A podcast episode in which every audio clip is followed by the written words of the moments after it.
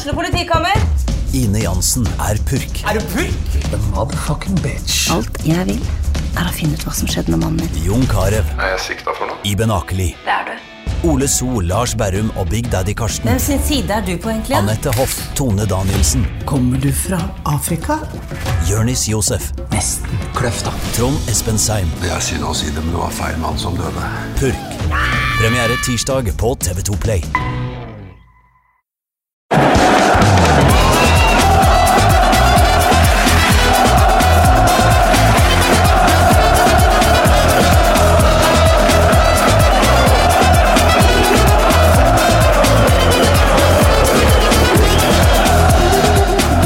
Da ønsker vi velkommen til atter en ny episode av Pyro og Pivo, fotballpodkasten som ikke handler om podkast. Ofte så handler den om reising, eh, matkultur og ikke minst eh, opptøyer som eh, kommer i veien for fotballkamper. I dag har vi fått besøk av en mann som eh, ikke er fremmed for noen av disse tingene. Marius Helgå, velkommen tilbake. Tusen takk. Er veldig hyggelig å være her igjen. Det er vel mitt tredje besøk hos deg. Eh, ja, det tror jeg fort det er. Du var med å snakke om Catalonia i sin tid, og så kom du halsende inn i Groundhopper-sendinga før, eh, før sommeren. Ja, Så ca. et halvt års tid siden. Ja. Er Altfor lenge å vente. ja men det er greit å må ikke bli overeksponert heller. Men du, du, du har jo blitt et fenomen, Marius. Du er klar over det? Ja, jeg begynner å skjønne det. Det altså, den groundhoppinga du eh, driver med, og eh, ikke minst det systematiske planlegginga og delinga av det du skal gjøre og har gjort, eh, den er på et nivå svært få kan matche, tror jeg. ja, det er kanskje litt Altså, det er jo Jeg har jo inntrykk av at det er mange som ser like mye fotball som meg. Men det er ikke alle som skriver like mye om det i sosiale medier og blogg og diverse. Så Nei, altså For det første så er du jo svært ivrig på Twitter eh, og i Groundhopper-appen. Ja. Eh, altså, Petter Wæland han eh, er jo berykta for å ha dette Excel-arket som han fører statistikk over La Liga selv. Eh, og han har tydeligvis statistikk på absolutt alt som foregår med enhver spiller i La Liga. Eh, og drar frem dette da underveis i kampene når han tvitrer om at eh, nå har eh, nå vet jeg ikke om denne fyren finnes, men nå har Ramón Garcia skåra for Levante mot Hetafe. Det er for øvrig tolvte gangen i karrieren han skårer mot det laget. Eh, Som han har fått tre gule kort mot til. Det er sånn Arne Skeie-nivå på det. Ja. Jeg innbiller meg at du har litt sånn, du har et eller annet Excel-ark eh, om, eh, om din groundhopping, som, som har en egen vaffelbørs. Og, Nei, jeg har ikke det. Jeg skriver, jeg skriver på bloggen min, og jeg skriver på Twitter under kampene, og jeg vil jo si at det I tillegg har jeg en ganske merkelig hukommelse. Jeg er ganske god på å huske uvesentlige ting. Ja. Så eh, Hvordan er det med det vesentlige? Nei, det er litt verre. Det er men, men sånne uvesentligheter det er jeg ganske god på å huske. Så hvis et eller annet tema kommer opp, så begynner jeg å lure på Skrev ikke jeg noe om det i en bloggpost i 2017 Mm. en gang, og så er det å gå tilbake og, og lete litt, Ja. Og der var det. Ja. Du har aldri opplevd at du har tenkt det, og så har det ikke vært i en bloggpost? Eh, Jau, det, det kan jo hende enten at det ikke, faktisk ikke er der, eller at jeg bare ikke finner det, men Mm. eh, Eh, Men grunnen til at du er her i dag, eh, Marius, er jo Eller det kunne vært mange grunner til det, men eh, du er jo høyaktuell som nylig tilbakekommet fra en eh, fotballhelg i Frankrike. Og eh, ja, du, du var en liten tur i Paris. ja. Nå um, lurer vi lytterne litt. Du har jo faktisk uh, Når den er ute, så er det torsdag morgen. Men eh, du har jo egentlig kommet hjem i dag. ja. Og dro med deg to trillekofferter inn i eh, studio her. Så du, du, dette er ferskt i Ja, hukommelsen. da, dere skal det, jeg skulle egentlig komme tilbake til Oslo i går, altså søndag kveld, men så eh, var det kommet to millimeter eh, snø i eh, Frankfurt, og i Frankfurt så tåler de ikke mer enn én millimeter snø før alt bryter sammen, så det ble ei overnatting der som jeg ikke hadde planlagt. Det var et fint hotell og god frokost og god middagsbuffé i går kveld, så Jeg så jo da på Twitter selvfølgelig at du, du hadde fått ordna deg eh, til slutt. Um, vi, vi skal komme litt tilbake til det. Jeg tenkte vi kan ta helga di litt kronologisk, og da starte med forberedelsene. Um, hvorfor Paris? Hvorfor denne helgen, og hvorfor de kampene det ble? Eller skulle bli? Det starta egentlig litt med at eh, Eh, Tidligere i høst Jeg har jo brukt å ringe inn eh, på 442 med Skau Aune på NRK på lørdager, og når jeg er på kamp, og snakke litt med dem om den kampen jeg måtte være på. Og smadre telefonen din på lufta? Ja, det var et uhell. det er vel årets radioøyeblikk. ja, det er mulig, det. Bare, bare Alexander Skubbe. «Øh, Marius, er du der? Et par sekunder stillhet, og så hører dere meg. Men uh, iallfall etter sist eh, jeg var på lufta med dem, så begynte jeg å tenke er det ikke mulig å få til noe mer fotball i år? For da så det egentlig ut som om eh, siste serierunde med, eh, i Eliteserien med Sarpsborg-Tromsø Nei, Tromsø-Sarpsborg kom til å bli siste kampen for meg i år. Eh, men så kikka jeg litt i kalenderen min, og, litt, og så fant jeg ut at den helga her hadde jeg helt ledig. Og eh, Frankrike er jo et fint land, det er passelig reiseavstand til Paris. Og eh, hvis jeg da tok litt tidlig helg på fredag, så eh, var det mulig å komme seg dit og, og rekke en kamp fredag kveld. Minst to kamper på lørdag hadde jeg som mål å få satt opp når jeg begynte å søke til kamper, og så håper jeg òg få til en kamp på søndag.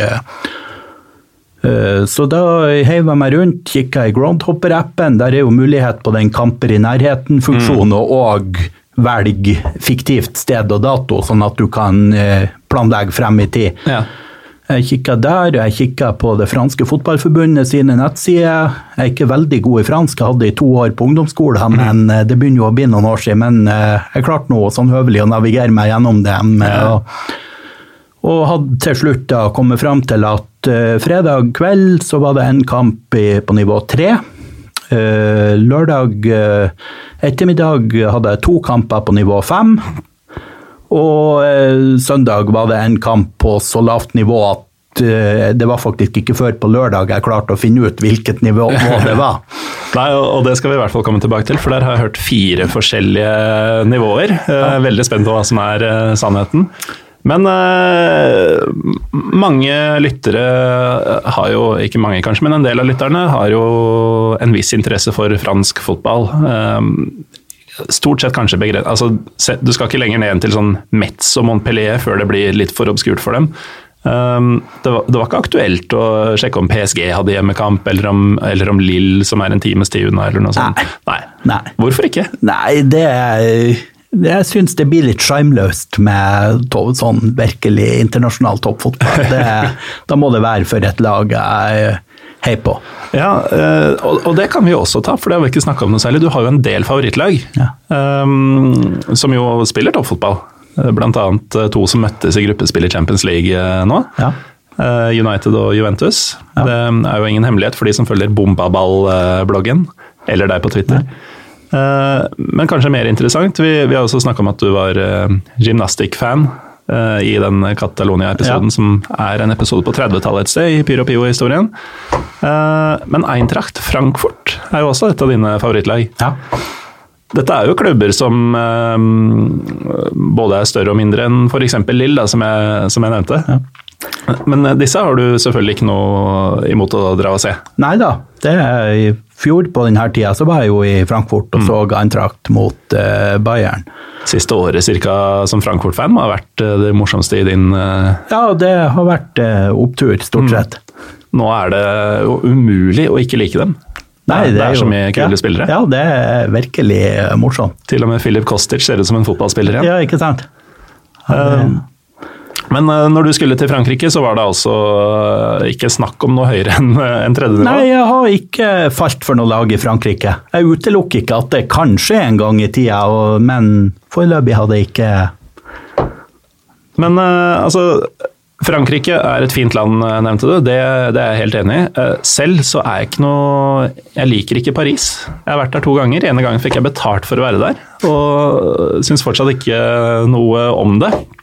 Hadde du noe inntrykk av Paris, eh, altså utenomsportslig, i forkant? Jeg hadde jo vært der en gang før. Det var da ei langhelg med familien, rett og slett. Eh, Ja, det må være en 13 år siden eller noe sånt. Så vi, både jeg og søstera mi var voksen, og, men vi reiste sammen med mamma og pappa ei, ei langhelg eh, på sommeren, og det var hetebølge, og det var helt uutholdelig der. Men Jeg må si jeg liker, jeg liker Paris litt. Ok. Ja. okay. Det- Ja. Uh, så ja, det, det så ut til å være en hyggelig destinasjon uh, for din del. da. Um, og du reiste alene? Nå reiste jeg helt alene, ja. Mm. Eh, og, eh, men det som var litt spesielt denne gangen, jeg var jo ikke i sentrum i det hele tatt. Mm. Jeg var eh, Bare ute i distriktene ja, der, der de gjør opptøyer ja, hele tiden? Så, nei, altså opptøyene er jo i nå. De opptøyene som foregår nå, er jo på Champs-Élysées. Mm. Ja, men historisk sett så ja, er det jo ute i disse sett er det jo der, men der var det jo så rolig nå som det aldri har vært før. Alle har dratt inn til byen. Ja, nemlig. Uh, ja, når du nevner det, det er jo faktisk opptøyer nå. Hvor bekymra var du for at uh, det skal gå, gå på tverke i noen av kampene? For det har vært mye toppfotball i hvert fall, som har vært utsatt både sist og helga før. Ja, det var nervøs. Jeg visste jo ikke, men samtidig var det det at jeg hadde sett at det var i sentrum eh, urolighetene har vært, og i tillegg eh, det med at foreløpig var det kun toppfotball. Forrige helg var det vel så mye bråk at det var en Det hadde forplanta seg litt nedover i systemet. Det var, jeg så en del av de klubbene Jeg var jo innom Facebook-siden deres, de hadde varsla at uh, på lørdag utgår alle treninger og sånt, eh, etter oppfordring fra idrettsministeriet. Riktig. Men disse opptøyene, Marius, uh, hva, hva er det som foregår egentlig? Nei, etter hva jeg har forstått, så er det en reaksjon på Det starta vel egentlig som en reaksjon på økte drivstoffpriser. Ei eh, økt eh, drivstoffavgift. Det er det jeg har hørt også. Og det er, det er nesten, for å sette i perspektiv, da, det er nesten som om den der Ja til bilen i Oslo Facebook-gruppa skulle få masse gjennomslag. Eh, Ja, men samtidig ikke Det Det er Kan det hete Altså, det I Paris er det er veldig mange som bor utenfor byen og jobber i byen. Og eh, i enda større grad enn i Oslo, har jeg inntrykk av. Ja. Og som er avhengig av bil på en helt annen måte enn hva man er om man bor eh, For jeg har jo inntrykk av at de, eh, de som er aktive på Ja til bilen i Oslo, der er det snakk om folk som bor i Oslo i stor grad. Men her er det folk som som anser at eh, vi er avhengig av å kunne kjøre til Paris, og det vil vi ikke ha råd til, og da har vi ikke råd å jobbe lenger. Så det er jo noe mer eh, legit, kanskje, det, Ja, det de jeg har inntrykk av det. og Ellers så var det Jeg har ikke fått lest den ennå, jeg har bare sett overskrifta, men det var en uh, kronikk i Aftenposten i går eller i dag om uh, det med at uh, hvis man gjør sånn at klimakampen blir klassekamp, da har vi alle tapt. Det må ikke være eh, Det må ikke gå utover arbeiderklassen eh, på en urimelig måte, de tiltakene man gjør for å berge klimaet. Men eh, du uh, satsa på at nivå 3, 5 og hva nå enn det siste skulle være, skulle foregå uten, uten at dette fikk konsekvenser for avvikling av kampene. Og du ankommer da på fredag Ja. for å se ja eh, fred, Hvis jeg har forstått det riktig, skulle du si Drancy mot Rodez. Ja, eh, Jeanne d'Arc eh, Drancy, faktisk. Jeanne d'Arc, faktisk. Ja. Ja. Og, eh, nå, eh, kanskje jeg bør nå, før resten av sendinga, si at eh, eh, for oss som bruker å være på quiz på Bohemen, så er det litt legendarisk at når Kjell Grønningen skal uttale ting på fransk, da er det alltid store forventninger i lokalet. Og sånn kan det nok bli med meg òg utover i sendinga. Men det, det var det som var planen min på fredag, å se de to. Det var ikke så innmari langt unna hotellet. og... Eh, når jeg kom, så var det jo selvsagt flyet fra Frankfurt vært litt forsinka, og når jeg kom da ned på togperrongen, så var toget forsinka, så jeg ble stående der en stund og kom til togstasjonen som var nærmest hotellet, så var det ikke noe som ligna på en taxi i nærheten, så det var bare å begynne å gå. Så når jeg da endelig hadde fått eh, slengt ifra meg bagasjen, så eh, var det bare ti minutter igjen til avspark. Så jeg ba hun i resepsjonen om å bestille en taxi til meg, og den eh, skulle komme om sju-åtte minutter, så da tenkte jeg ja ja, da går jeg glipp av de første fem. Det går fint. Men i, i din groundhopper-verden, eh, kampen vil fortsatt telle om du går glipp av de første fem? Ja, det, jeg tenker som så at er det litt uforskyldt om man får sett over én omgang, så er det innafor. Jeg har sett eh, andre folk som har som har sjekka inn på to kamper som gikk samtidig, sånn at de har vært på én omgang på hver kamp, men det kunne ikke jeg ha gjort. Det, Nei, det har du for mye eh, Ja. selvrespekt Ja. eh, til. Men, Eh, men i alle fall, mens jeg sto og venta på taxien, så jeg, tok jeg opp telefonen og fant ut jeg skulle kikke på Facebook om det sto noe om kampen der.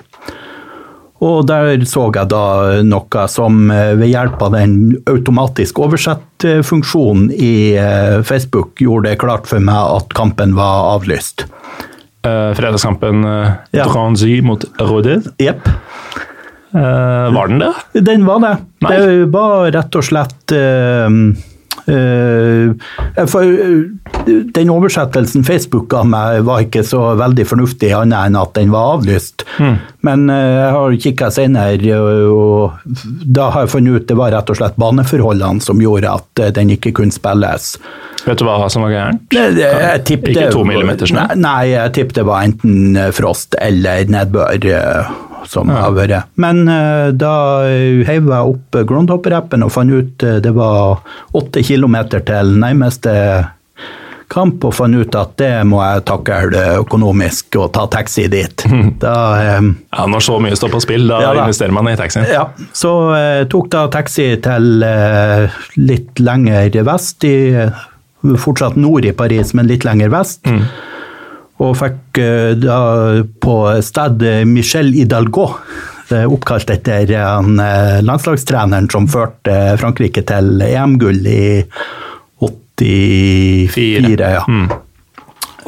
der fikk jeg eh, eh, hva det var hjemmelaget het, Entente SSG Ja. eh, mot uh, FC Le Mans. Var dette også tredje nivå? Det var òg tredje nivå. Ja. Så eh, Så du fikk jo mer eller mindre det du kom for, ja, bare med to så, andre lag? Ja, så det var eh, Jeg kom fram ca. 20 minutter ut i kampen, og det var det et dyrende folkeliv. Det var eh, god stemning. Det var eh, en solid gjeng med hjemmesupport som drev og dundra løs på noe tromme. Og jeg har faktisk det, aldri hørt noen supportere som har hatt så dårlig rytmesans som de som hadde ansvaret for trommen der. Det var helt katastrofe. Og dette er jo du rett mann til å uttale deg om, som, eh, som korpsentusiast. Ja, det Um, men um, altså Hidalgo er, Jeg innbiller meg jo at uh, hans standing i fransk fotball uh, Det var vel eneste internasjonale tittelen landslaget hadde før de begynte å cashe inn gull rundt årtusenskiftet. Uh, 84 Jeg tror nok han er et stort navn, så Ja. det er nok ikke tilfeldig at han har fått et stadion oppkalt etter seg. Nei, men burde han kanskje vært på et litt viktigere stadion? Hvordan var anlegget? Eh, anlegget, nei, det var eh, Jeg var innom på Wikipedia og kikka, det sto det at det var en 6000 sitteplasser, og det var tribuner i svingene og på begge langsidene. Ganske stor tribune på, som hovedtribune, altså ei eh, ganske mindre ei på motsatt langside, altså med tak over på begge langsidene. Så det, sånn sett var det var det fint, men det var jo et, et lite stadion, Ja. sånn eh, et enkelt anlegg. Men eh, det Med sin sjarm. Ja. Mm.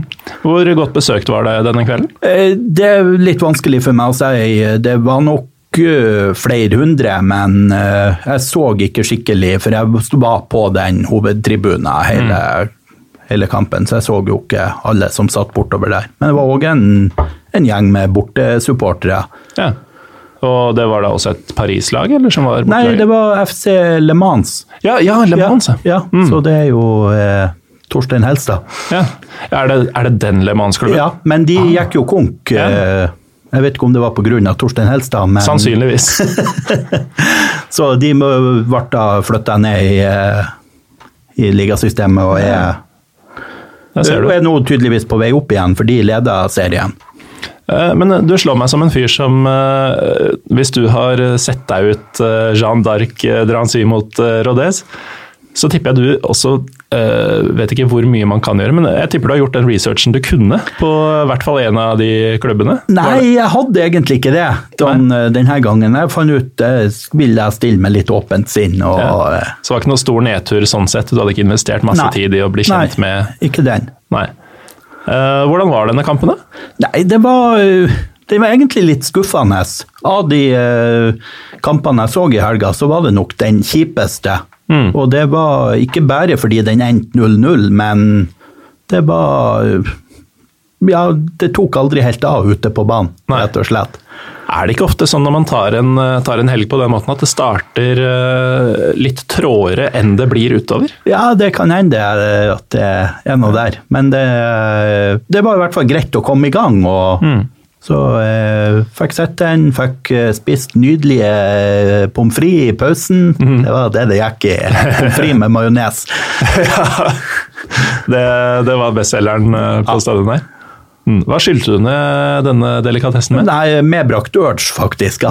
Fra Norge? Ja, ja urge fins bare i Norge. Ja, ikke sant? Ja. Så, hadde, hadde du bare igjen fra flyreisen? Ja, det var en skvett jeg hadde igjen i Du har ikke pakka ned et nødlager, så ikke du være med på match. Og flaska fikk være med inn? Og, Ja da, det var ikke noe problem. De, de kikka i sekken at jeg ikke hadde noe ulovlig, men den flaska var ikke noe problem.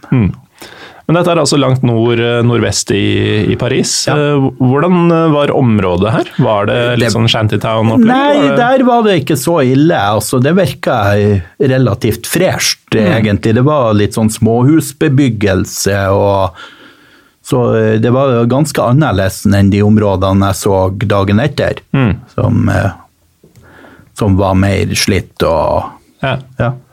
Ja, men det høres jo fint ut. det. Litt Ja. kjedelig kamp, men eh, ellers en opplevelse du aldri ville vært foruten, Ja da, kjenner jeg deg. Absolutt ikke. Det var fint. Og så var det ti minutter å gå til togstasjonen etterpå, så jeg kom meg tilbake på den rimelige måten. Eh, hvor seint hadde det blitt da? Uh, Kampen var jo ferdig like før klokka ti. Så Ja, okay. uh, da tok jeg toget inn til Gare Saint-Lazare, og så var det T-bane derifra og ut til nesten ut til hotellet mitt. De drev og, de drev og forlenga den T-banelinja nå, så de drev og grov nesten rett utfor hotellet for å lage nye stasjoner, men mm. det var ikke klart ennå, så eh, så det var en liten gåtur da òg. Og når jeg kom tilbake, så fant jeg ut at uh, alt av restauranter i området de hadde stengt klokka 11, så det eh, var bare å glemme. Men det var i pizzasjappa, og da kjøpte jeg den dårligste pizzaen jeg har kjøpt i mitt liv. Jeg lurer på om franskmennene bare gjør pizza dårlig med vilje? Jeg For, bare mistenkte jeg nesten. Og, mm, For å sverte sverte italienerne. Så, men så kom jeg òg til å tenke på etterpå at alt i området der reklamerte meg at det var halal, og, mm. og jeg bestilte en pizza med skinke og bacon. Jeg tror kanskje det var skinkesubstitutt og baconsubstitutt. trolig. Ja, og det, Det var nok medvirkende, men det var òg selve tillaginga av produktet var ikke bra. Nei, så terningkast. Ja, en og en halv. Men eh, jeg spiste to stykker bare for å bli mett, og så ble resten liggende i eska. Mm. Du hadde jo lagt en liten seng av eh, fries i magen Ja. eh, før det, så det, det gikk vel bra. Ja da. Um, apropos det, jeg, jeg så en, eh, et innlegg, eh, det var vel på Twitter, må det ha vært, hvor du var på McDonald's. Ja. Altså, du, du er i uh, Europas, kanskje verdens mat... Uh, altså, ikke Paris by, men landet Frankrike, mathovedstad, Ja. mathovedland. Uh, og tar en tur på Mækkern. Ja, det, jeg, kan, jeg kan fortelle mer om det når vi kommer til lørdag kveld. Ja. da så, Ja, for dette bør ha en god grunn, du som Ja. har matblogg og greier. Men ja, det blir Du tar en god natts søvn, og så er det kanskje blitt lørdag? nå? ja da. Ja. Da var det lørdag, lørdag formiddag sosa litt rundt i nærområdet der. Jeg gidder som sagt ikke å fære inn til sentrum. Nei. eh, Og da hadde du vært der før, tross ja, alt. Jeg snikkikka på Snapchat-kartet, og eh, da kommer det jo opp sånn fargelys der som det er masse aktivitet. Mm. Og Champs-Élysées var det mye aktivitet, så der, og jeg kikka så vidt på et par sånn public snaps der, og det var gule vester all over. Hmm. Eh, men eh, etter hvert så begynte nå klokka å nærme seg fire, da den første kampen skulle være. ja, For denne dagen skulle du se to kamper, Ja, og begge på nivå begge på nivå fem. Yes. Som er eh, Nivå fem er da det laveste eh, region... Nei, nasjonale nivået. Mm. Det er eh, Ja, jeg kan si litt etterpå om det franske ligasystemet, men eh, det er liksom de fem øverste nivåene er det fotballforbundet som sådan som administrerer. På nivå fire og fem er det flere avdelinger, men det er fortsatt eh, fotballforbundet som administrerer dem.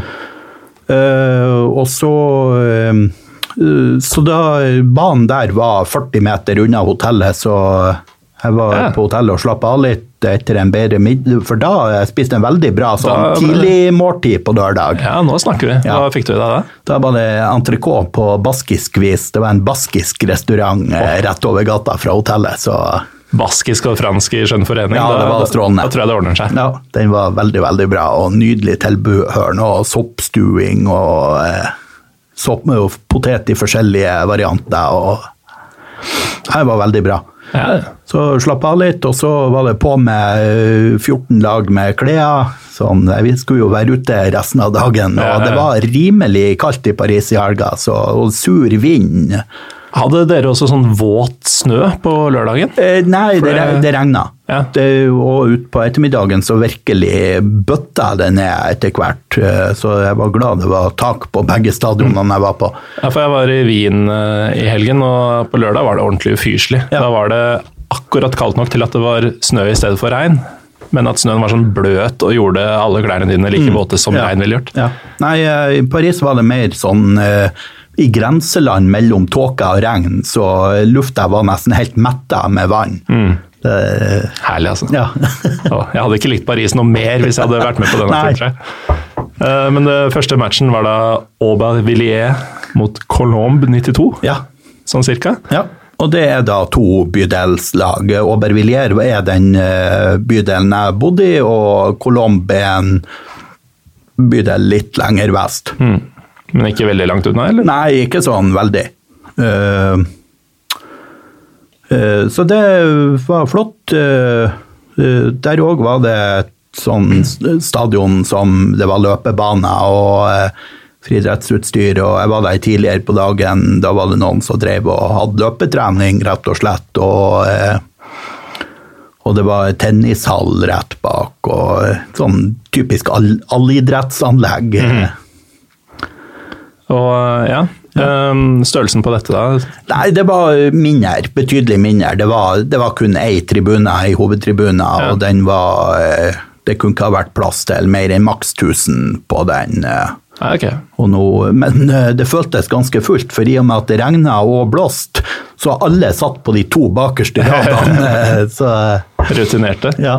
Eh, Og, nå begynner det å ligne mer på den type fotball du eh, spretter veggimellom for eh, hjemme. Ja, litt, men det er samtidig man merker at det er et høyere profesjonalitetsnivå på det som skjer. Men det, det var fint. Og samt, det var jeg så, jeg så ting jeg ikke har sett før på tri- fotballtribuner.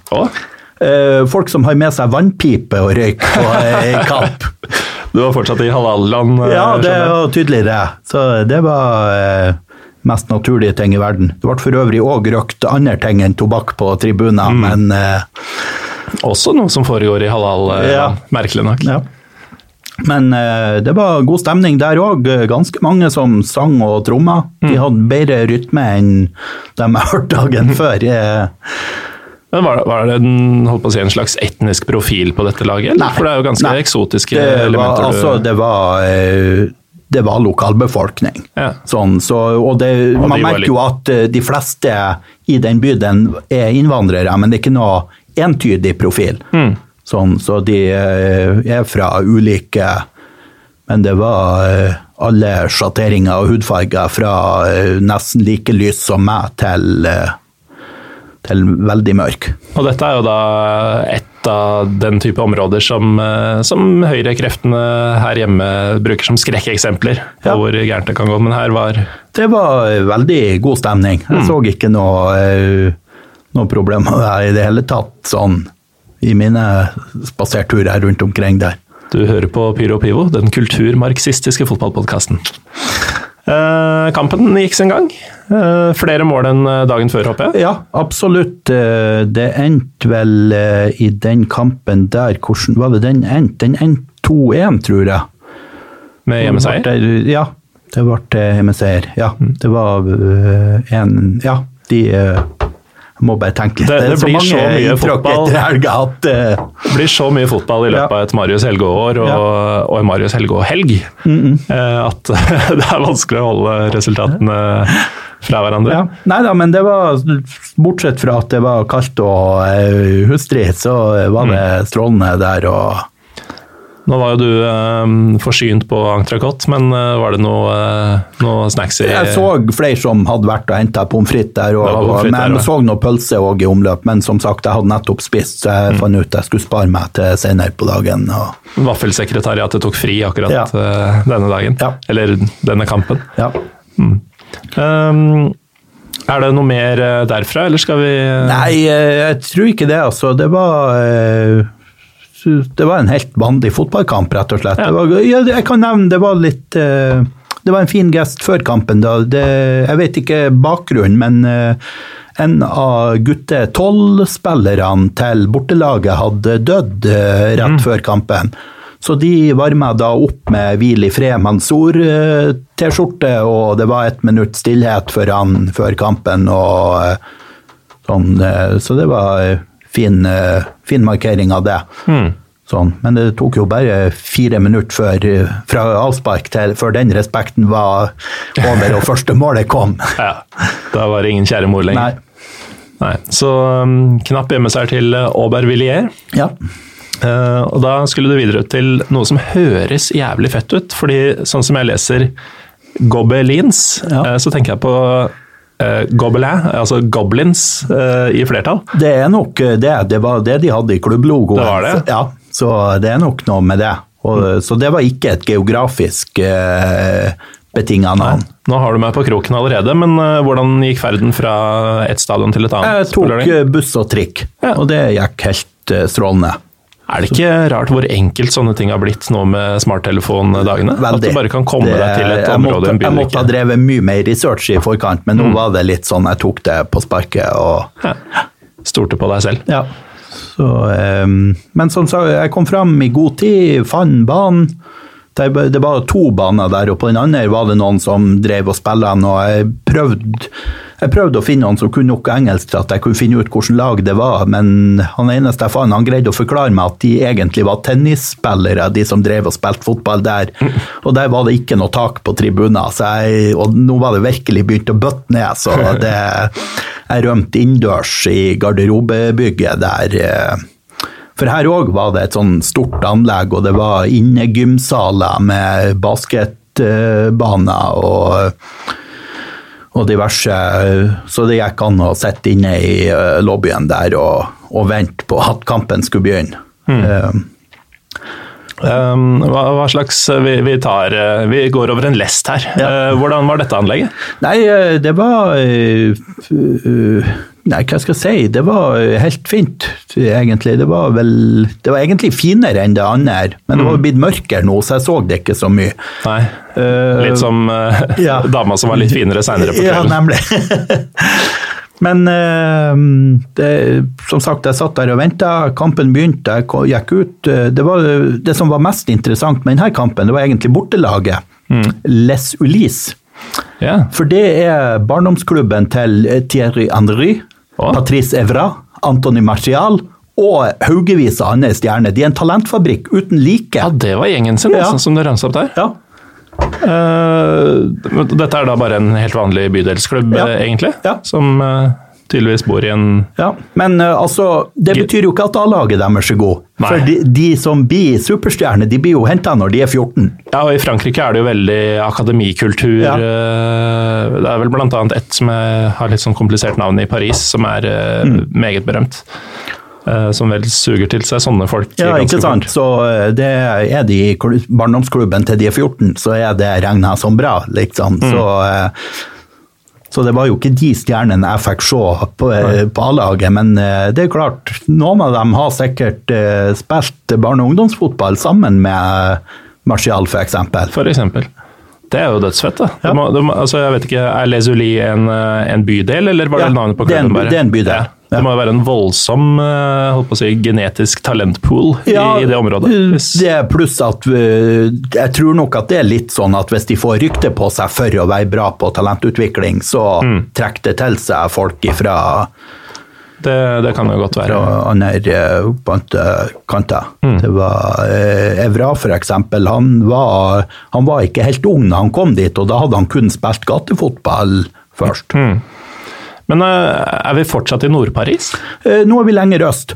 Ok. Ja, det var eh, den T-banen, nei, trikkelinja jeg tok dit, den gikk nesten rett sørover, Mm. så langs den her eh, periferiringveien Ja. rundt eh, Paris. Så, så det er ikke en uh, rein nordparisisk uh, Nei da, det var, det var litt uh, Det var Øst-Paris. Uh, Merka du noen eh, forskjell på bebyggelse, beboelse Nei, det var egentlig veldig forretningsstrøk eh, det eh, anlegget lå i, så det var litt eh, ikke, så ulikt her i Kvadraturen i Oslo, egentlig, omgivelsene. Og så plutselig midt inni der lå det da et svært idrettsanlegg. idrettsanlegg. Eh, og der spilte altså Gobelin, eller Ja. Goblins. Ja. Um, hva slags klubb er dette? Nei, eh, jeg må innrømme, her var det som sagt bortelaget som var mest interessant. Så jeg hadde ikke satt meg så veldig inn i eh, hjemmelaget, hva de var slags klubb. Men jeg ser de Jeg var innom Facebook-sida og kikka, og de har barne- og ungdomsavdeling og, og sånn. Men, eh, men jeg tror nok at de er der at det å være på nivå fem, det er så høyt så de, Ja. så de akter å være. Ja, for vi er jo fortsatt på nivå, nivå fem. Er de, samme, er de på samme tabell som eh, lagene du så tidligere på dagen? Eh, ja, jeg tror det. Ja. Uh, ja, hvordan, hvordan artet dette seg da, Marius? Nei, det var litt spesiell kamp. Første omgangen var ganske jevn, uh, med, med mye fart. Det var mye, mye sprenging, men uh, ingen mål. Så, uh, så lag, det gikk til pause med 0-0. øh, På tribuner var det det var langt færre enn på den tidligere kampen, og det var nok litt tidspunktet å være og sånn, men det var ganske blanda. Det var nok 50-50 i hvem som heia på hvem, så eh, pluss at det var en god del jeg så som hadde på seg jakker med andre klubblogoer. Ja, okay. Så eh, Toppklubber, da? Eller? nei, det var, eh, det, så det her var tydelig at det var folk som spilte på, på andre lag, som Ja. hadde tatt lørdagskvelden der. Litt som å spille for Løvenstad, så er du og ser Kuland spille. Ja, noe sånt. Mm. Uh, de Men eh, som sagt, det, ble, det gikk til pause med 0-0, eh, men så i andre omgang eksploderte. Så eh, det var ganske ampert Mm. på banen. Så eh, ofte så forbinder man jo at det, å, det er så varmt i været, i dag kommer det til å smelle, men her var kulden ingen hindring for at eh, det var både knuffing og beinharde taklinger. De ble mugne av å, av å spille Ja, dårlig det er mulig det var det som gjorde det, men eh, de Hjemmelaget skåra først, og det, gikk eh, ganske kort etter pause, og før den første skåringa kom, og så eh, etter hvert begynte å renne inn. Så det endte faktisk 5-1. 5-1 ja, Ja. til hjemmelaget. Ja. Ja. Så det var ikke noe Patrice Evra eller Antony Martial til å redde det. denne gangen. Nei. Uh, var det også her eh, friterte poteter som sto Nei, her var det ingen servering i det hele tatt. Ingenting, da? Nei, og det jeg, Anlegget Det virka ikke som det var tilrettelagt for det. Det var, så jeg tror da måtte man eventuelt ha hatt ei matvogn med seg, skulle man ha hatt Mm. noe eh, servering der. Minner meg om en ordentlig lurendreier som eh, Trym Hogner og jeg eh, og en tredjemann opplevde da vi var i Beograd for noen år tilbake. Altså OFK Beograd. Runar Norviks eh, serbiske favorittlag for øvrig. Eh, Der var det heller ingenting. Men vi var såpass tydelig ikke lokale at eh, det var noen som kom og spurte om vi ville ha noe. Eh, Litt sånn, En mann litt opp i åra som snakka litt dårlig engelsk, men fikk jo stått der fram til sånn Coca-Cola, eh, Voda, sånne ting. Og vi ville jo gjerne ha noe å drikke. Det var, det var varmt, og vi var fyllesyke sånn. Så han eh, hadde tydeligvis såpass kontakter at han kunne gå ut og inn den grinda som han ville. Så han gikk til nærmeste kiosk, kjøpte sikkert en cola for vet ikke fem kroner. Solgte til oss for 30. Han, eh, han koste seg skikkelig den God dagen. eh, profitt. Han hadde peil. Ja.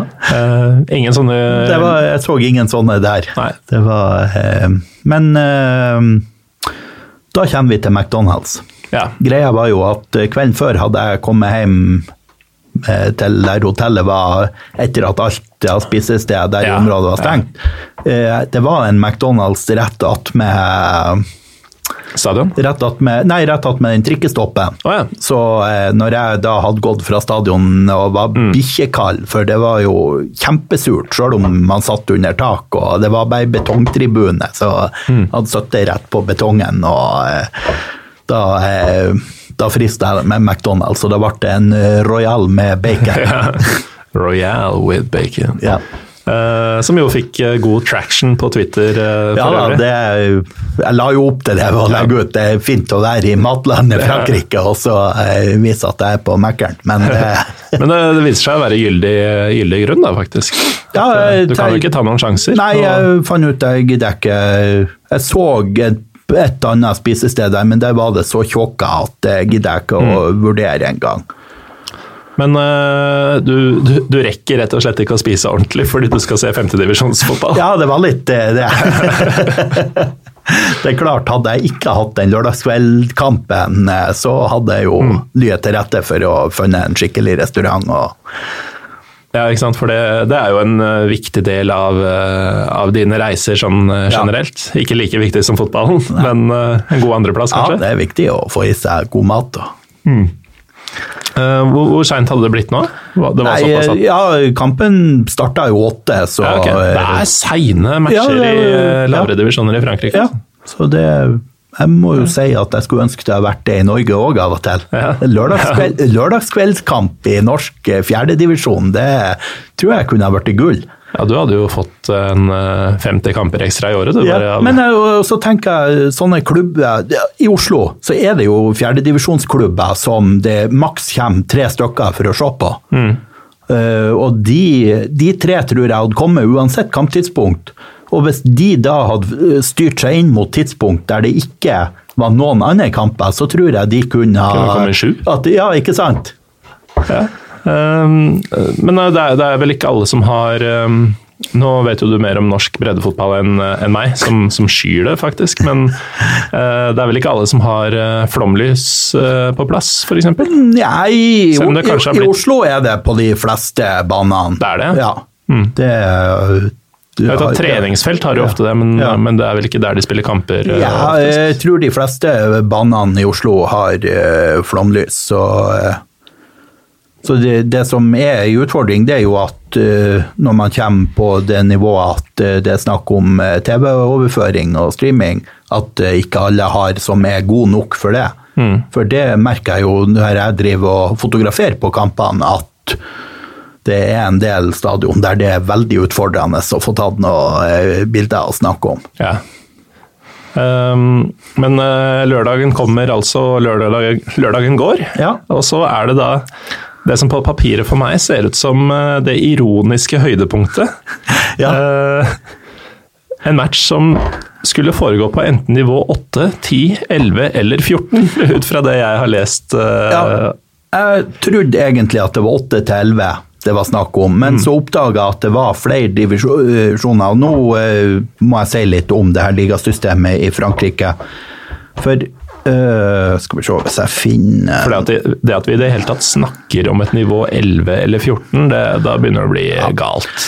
Uh, For ja, som sagt så er det jo sånn at nivå 1 til 5 er nasjonale serier som er styrt av Fotballforbundet med flere avdelinger på nivå 4 til 5. Så er det regionene i Frankrike. De har fire forvaltningsnivåer i Frankrike, og regionene har da øh, Det varierer litt fra region til region hvor mange divisjoner de har. Noen har bare nivå 6 og 7, det er nok de med færrest lag, mens mm. de med flest lag har øh, nivå 6 til 9. Og der er det da flere avdelinger og hele. Og så er nivå 8, 9 og t- eller altså nivåene under det. Og der går det i noen, eh, noen områder går det helt ned til nivå 17.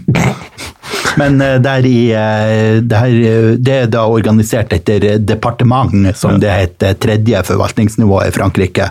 Jeg spiller 17. divisjonsfotball. Ja, det ikke sant. Eh, Og det, eh, det da, I Frankrike så har man 18 regioner, det er delt inn i 96 sånne departement, som igjen er delt inn i ca. 36 000 kommuner. Så, eh, Der trenger de kommunesammenslåing ja, eh, det er litt interessant. Eh, Av de kommunene så er det faktisk seks som har null innbyggere. Det er landsbyer som ble utsletta i slaget ved Verdun under første verdenskrig, og som har respekt for oppofringa ikke ble gjenoppbygd. Dæven. Av de som har befolkning, så er det mm, en som heter Rovry-Ripont, ikke langt ifra grensa til Belgia. Der er det syv innbyggere. I eh, Le Mitry, det er litt lenger sørøst, der har de tre innbyggere. Men er, er dette steder som har fotballag? Nei. og i Rochefort-Chat, som ligger mellom Marseille, Marseille og Lyon, der bor det én person, en fraskilt mann. Så Monica Mæland kunne nok ha eh, sett eh, litt monn i kommunesammenslåinger der, ja. Har, har du sett noe særlig på Little Britain? Nei. Der eh, er det en karakter eh, Det er jo da et sånn britisk sketsjeshow som, eh, som starter veldig bra, men som ender opp med å bare kopiere seg selv og sine catchphrases. Men det er veldig gøy i starten. og en av karakterene er da en eh, waliser som er the only gay in the village. Ah. Og tar på seg offerrollen og gjør et stort nummer ut av hvor vanskelig det er å være the only gay in the village. Men uh, det viser seg ved hver eneste sketsj at det er bare homoer der. Ah. Han, uh, men det, det nekter han å anerkjenne, fordi I am the only gay in this village. Mm. Han fyren der er faktisk the only everything in the village. Han, uh, ja, han fraskilte mannen i, Ja, ja. i hvor, hvor var det, det- du sa han bodde? I eh, hva det sa det heter? Rochefort-Chat. Ja.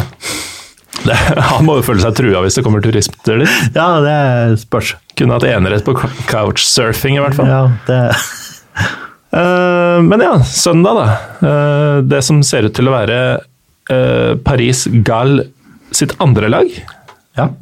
mot Championnet Sport Paris. ja.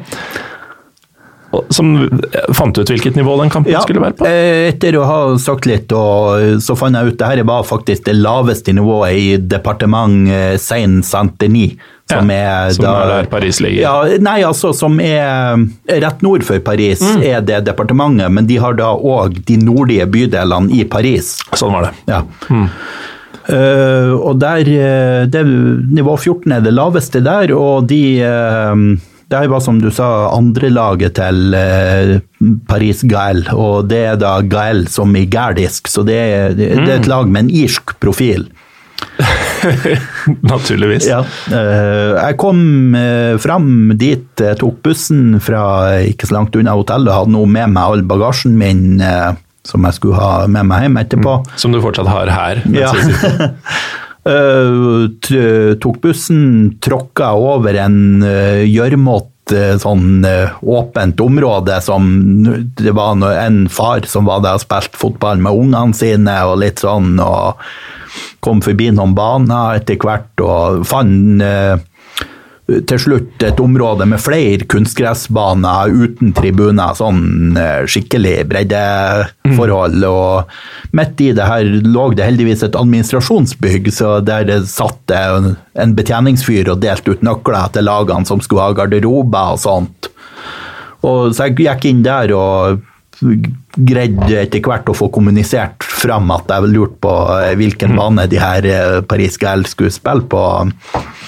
Eh, Da tok han ene fyren som satt der, han tok meg med til garderoben til eh, der og Inn i det aller helligste ja, til og jeg fikk da hels på eh, lagle, laglederen, som snakka bra engelsk, så vi fikk eh, Jeg fikk fortalt hvem jeg var, og sånn. Han syntes jo det var kjempeartig at det kom noen fra Norge og skulle se på dem. Fortalte du at du er radioreporter eh, på breddefotball? Nei, det gjorde jeg ikke. Ehm, kom eh, Ja, men det her var da nesten en time før avspark. Eh, Så jeg gikk, eh, etter jeg hadde hilsa på dem, så gikk jeg bort og, eh, til det feltet der de skulle spille kampen, og kikka litt på Det var noen som var der og spilte kompisfotball. Så det var veldig underholdende å se. Det var, eh, var litt spesielt. Det var en, en av de som var med, var kortvokst. Oh, ja. Sånn ordentlig. Ja. Eh, og, men det var ingen hindring. Han Nei. gikk med dødsforakt inn i taklinga, og det var annet ei takling der han var veldig sein. Og hadde han hatt samme volum på kroppen som motspillerne, så hadde det blitt en skade der. Men nå bare hinka han videre, han som ble truffet. Men eh, Minimal skade. ja. Det, men eh, det var artig å se. Men da ti minutter før kampen skulle starte, det var vel avspark klokka ett, hvis jeg husker rett, så kom han laglederen bort til meg og beklaga veldig. Det var, de hadde bare åtte mann, så de hadde avlyst kampen. Folk hadde ikke å stille. Nei, det hadde rett og slett ikke folk som kunne stille. Nei. Da, da snakker vi nivå, ja, bokstavelig talt. Og det, det, var, etter jeg tvitra om det, så kom det jo en haug med folk på Twitter som påpekte meg at ja, men reglene sier jo at uh, man bare skal avlyse en kamp Ja. hvis det er færre enn syv. Nils Henrik Smith siterte ja, han, jo reglene. Han var førstemann, men det var flere. Davy Vatne kom til og med og Mm. eh, påpekte på Twitter. Men uh, det er mulig at eh, regelrytteriet er litt eh, mindre i eh, fransk nivå 14 enn i norsk eh, Mm. nivå 3, der eh, jo Fram Larvik hadde en sak på eh, akkurat samme Så kan det jo være at pengestrømmen og da også bøtene på 14. nivå i Frankrike er såpass hva skal vi si, uskyldig at eh, det å ikke stille til en kamp eh, og bare tape på walkover er Ja. eh, straff nok i seg selv. Jeg antar jeg nå etter, Nå husker jeg ikke i farta, men jeg kikka på tabellen, og de her Paris Gael de lå enten nest sist eller sist på andre laget, der, altså i den laveste divisjonen i det departementet, så Tenk så dårlige de er til å spille fotball! da. Ja, det, det var skikkelig artig å se, tenker jeg. Um, og det, det var jo uh, fotballhelga di som fikk et, uh, en antiklimaktisk uh, slutt. Det gjorde jo det, så, og jeg kjente ikke at jeg gidda noe turistvirksomhet da resten av dagen, så jeg for rett og slett ut på Charles de Gaulle og, og satt der og venta på flyet mitt skulle gå. Ja, og det var jo starten på en strabasiøs hjemreise. Ja, for da endte det jo med at jeg landa i Frankfurt 15 minutter etter at eh, flyet gikk til Oslo, så Og akkurat det Oslo-flyet var selvfølgelig i rute. ja, det jeg tror det var det eneste- eneste flyet i Frankfurt som var i rute hele søndagen. Jeg var jo som sagt i Wien eh, i helga selv. Jeg dro også på fredag og, og søndag. Eh, og det var altså Jeg hadde mellomlanding i München begge veier, altså fire flyvninger totalt. Ja. Samtlige fire var forsinka. Og på slutten her så tenkte jeg at eh, det var nesten ikke vits i å møte opp til, eh, til riktig tid, for det, det ville jo ikke være relevant lenger. Nei. Men eh, jeg kom meg i hvert fall hjem samme kvelden. Ja. Du, du var hadde en liten Egentlig, ja, for det ble jo da overnatting i Frankfurt, eh, og eh, egentlig var jeg litt fornøyd med det. For eh, sist eh, I fjor eh, var jeg som eh, sagt i eh, Frankfurt eh, og så Antrakt eh, mot Bayern. eh, På ca. denne tida, og da òg var det snøkaos eh, på søndag. og eh, Da satt jeg bl.a. i flyet ute på rullebanen i to og en halv time, og så måtte vi inn igjen og stå i kø i tre timer for å eh, men da fikk jeg ombooka til et senere fly eh, som da endte opp med å lande på Gardermoen, så sendt at all eh, transport fra Gardermoen, eh, kollektiv type, var slutta å gå. Så jeg endte opp med å ta taxi fra Gardermoen til Haugenstua. Det var det julebudsjettet. Ja, den, den var kjip. Men eh, du, du hadde jo egentlig blitt satt opp på en ganske ugunstig eh, Jeg syns jeg så at de først hadde ombooka deg til et 6.55-fly Ja, på morgenen. 625. At det i det hele tatt fins. Ja, ikke sant. Det var grusomt, så jeg var veldig fornøyd med at jeg fikk eh, litt senere fly. fly. Så, så får det heller bli noen ekstra timer avspasering på jobben. og Ja, for det er såpass, eh, såpass fleksibelt ja, på arbeidsplassen. var, jeg hadde ingen avtale i dag, sånn. Ja, så ingen, det, ingen varehjem igjen, sånn sett.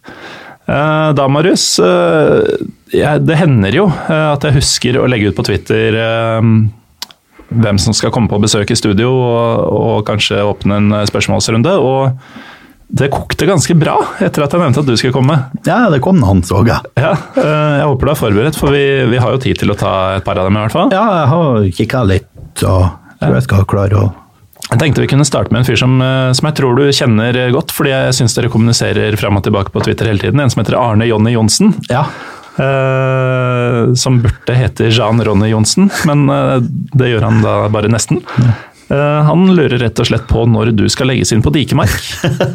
Ja, Arne kjenner jeg godt fra eh, det TIL-supportermiljøet i Isberget. Eh, og han har lenge ment at jeg må ha en diagnose pga. all det her eh, eh, breddefotballen jeg driver og ser. Ja, For de som eventuelt ikke har hørt deg før eller kjenner til deg, eh, som fortsatt hører på nå, de sitter nok med samme inntrykket. Ja. Jeg har jo bare vært på 106 fotballkamper i år. Men uh, Dikemark de kom jo midt på tabellen i 9. divisjon Oslo avdeling 1 nå i år, så det er absolutt et lag jeg satser på å få sett i 2019. Jeg er ikke sikker på om det er det han mener med legges Nei, det er mulig det, men uh, spøk til side. Uh, Jeg snakka litt med Arne om det, og vi har jo, han har jo tulla mye med det her. Men samtidig, ja, vi, det med psykisk helse det er jo et tema som er så alvorlig at det absolutt bør kunne spøkes med for å, for å normalisere at man snakker om det. og de som fulgte med på denne serien Else om selvmord på TV i høst Med eh, Else Kåss Furuseth. ja, det, det var jo han Arne, en av de som var med der, og fortalte hun, eh, Else Kåss om eh, Han hadde en tung periode i livet, og der TIL-supportermiljøet faktisk var med på var medvirkende til å få han ut av den depresjonen der han var på randen av, av slutt. Så han øh, har altså kommet seg ut av depresjonen delvis takket være norsk fotball? Ja, For det er jo stikk motsatt av det jeg og Trym Hogner opplever med Lillestrøm. For Ja. vi, vi tror jo at vi får svulst og sånn i løpet av en kamp. ja ikke sant? Nei, Arne har eh, Det var veldig eh, varmende å, eh, å høre han fortelle om det. Det er jo helt, helt nydelig, faktisk. Da anbefaler folk å gå inn på Dplay og finne den serien og se det. Mm. Ja, det, jeg har ikke sett det selv, men det støtter jeg, støtter jeg deg i. Um, og det er jo altså Folk snakker om fotball som en uviktig ting, men uh, det er stort sett folk som ikke skjønner uh, hva det er vi driver med. Ja. Altså, det kan faktisk påvirke livskvaliteten til folk. Det gjør det. Så, uh, og her i hans tilfelle, selv om Tromsø sliter tungt, så det samholdet har ført til at han innser at livet kan gå videre. Så er det en fyr som um, Jeg vet ikke helt hva han legger i spørsmålet, så vi får nesten definere rammene for det selv. Men han er så aktiv på, på å kommentere og like og retweete og sånn på Twitter at jeg føler vi skylder, rett og slett, nå før jul, eh, Nordlink. Ja, Nordlink86. Um, og, og nevne den på lufta, egentlig. Ja. Takk, takk for uh, hem destek, tam destek, som de sier på tyrkisk. Evig uh, unwavering uh, støtte. Han uh, lurer rett og slett på hva som er din drømmebreddekamp. Ja, jeg tenkte lenge på det. Jeg syns det er et vanskelig spørsmål, men jeg tenker jeg syns jo alle kamper er artig, men jeg skulle ønske at de breddeklubbene her på Østlandet var flinkere å ta seg en harrytur kombinert med treningskamp i ny og ne. Så tatt en lørdag før eh, sesongstart, f.eks., der en to-tre klubber fra Akershus og Nedre Hedmark hadde ledd seg inn på f.eks. på Elvevallen i Eda. Det er sånn én kilometer på andre sida av grensa mot eh, Charlottenberg. Og prøvde å få avtalt med to-tre svenske klubber på passende nivå at man la kamper der med kampstart 12, 14 og 16 og handletur til Charlottenberg etterpå eller før kampen. Alt dette er ikke som passer. Det tenker jeg kunne vært en strålende greie. Dette er jo uhyre kreativt, Ja. eh, og slår veldig mange fluer i en smekk Ja, for, folk som bor i den regionen. Ja, spesielt eh, for meg å da å få sett en eh, senior herrekamp på Elvdalen, for jeg har inntrykk av at det er aldersbestemt damefotball som spilles der til daglig. Ja, og, og det må det bli en slutt på. Den eksklu, ekskluderinga der. Så lurer jeg på om det nærmer seg tid for å runde av, Marius, men vi, jeg, jeg syns jo uh, dette spørsmålet er, uh, er verdt å stille, for uh, det virker som det bare er kvinnebryster og solskinn når du prater om forblåste kamper på, på lavt nivå, fryktelige anlegg og regn og grusomheter, så er det da Joakim Haugnes som spør hvor ofte har du spurt deg selv på en forblåst bane langt fanivål, beklager, med kald kaffe og tørre vafler. Hvorfor i himmelens navn holder jeg på med dette? Ja, jeg må jo si at hvis jeg er på en bane der det serveres vafler, så har jeg aldri stilt meg det spørsmålet. Men eh, ja, det hender at jeg har lurt på hva det er jeg driver med når jeg har kjørt i timevis, kommer fram til et anlegg der det ikke er noen fasiliteter whatsoever, og eh, været er trist, og eh, da, da hadde det hendt at jeg har lurt på hva er det jeg driver med. Men eh, reisa i seg sjøl er jo en opplevelse, og det Jeg ville ikke ha vært uten de her 106 kampene jeg har vært på i år. eh, Det må jeg si. The journey is the destination. Ja, det er noe der. Uh, jeg, jeg tenker Vi kan jo for så vidt ta ett til, fordi det, er- det er en ting som, uh, som jeg har lurt på veldig på et personlig nivå. Uh, du er fra Mo i Rana, Ja. men du holder med Tromsø IL. ja. Eh, som oppladning til det spørsmålet på Twitter som jeg skal stille, hvordan kan det ha seg? Eh, Det er Det er nok en eh, motreaksjon på en antipati mot Bodø. Ja, men det er ikke hva Altså, jeg kjenner en del uh, Mo i Rana-væringer, eller hva man kaller det, og eh, de holder stort sett med i Glimt. Ja, det, jeg har inntrykk av at eh, folk i Rana stort sett holder med enten Glimt eller Rosenborg. Det er, Mm. Ja, det er- det er litt det jeg har. Ja. Sånn, eh, nei, men som sagt, en, i mitt tilfelle er det en antipati mot Bodø som Mm. har manifestert seg i at jeg ble eh, Tromsø-supporter. Ja. Eh, og med det så um, er det Ulrik Motsfeldt som lurer på og dette er vel mer et eh, blir Simo Valakari i Tromsø-spørsmål, men eh, han lurer jo da på hvem som blir RBK-trener i 2019. Ja, nei, eh, de tenker jo sikkert da at Valakari kanskje er på blokka, da, som, som alle andre tydeligvis er. Det, ja, det virker jo som alle andre er det. Jeg tror ikke han blir det. Jeg tror han står eh, ved det han har sagt, at ja, han ser på Tromsø som en eh, skritt på veien mot noe større, men han vil vinne med Tromsø. Jeg tror han fortsatt føler han vil bevise noe. Og samtidig tror jeg nok at hvis Rosenborg skulle ha funnet seg en ny trener sist sommer, så hadde han vært ganske mye mer aktuell enn hva han er nå, etter den grusomme høsten som Tromsø har hatt. Det har du, har du nok fort uh, rett i. Da uh, vil jeg takke deg, Marius Elgaard, for at du kom uh, og tilbrakte litt tid aleine med meg dette intime tredje studio eller fjerde studio, eller hva det er, i de nye lokalene til Moderne Media. Ja, nei, veldig hyggelig å være her, og eh, så det Og eh, ja, Vi nevnte jo tidligere at uh, vi spiller inn litt før dere hører dette, lyttere. Så på dette tidspunktet så sitter Marius i uh, Nord-Norge med familien, vel? Ja, eller Og- hvis eh, det er onsdag kveld du skal ha release på episoden, er det? Ja, den lastes opp onsdag kveld, og så er den liksom ute på torsdag morgen. Ja, men da er jeg nok torsdag morgen er jeg nok med familien, ja. Ja. Onsdag kveld skal jeg på korpsøvelse hjemme. Ja, klart du skal. Uh, uansett, takk for at du kom, og, og god jul. Ja, takk det samme. Og til dere som hører på, jeg må nok dessverre eh, belage meg og dere på at eh, dette blir eh, siste sending før nyttår. Det, det skal holde hardt å rekke noe til romjula, så ta det som en bonus eventuelt. Um, I mellomtiden så har dere vel en fire luker kalender igjen, så jeg håper det kan, kan bøte litt på, på savnet. Så um, takk for at dere har vært med oss gjennom eh, 2018, og eh, takk for at dere forhåpentligvis er med videre i eh, 2019. God jul, godt nyttår, og um, ja Vær litt forsiktig med, med akevitten, eh, folkens. Den, den er lei.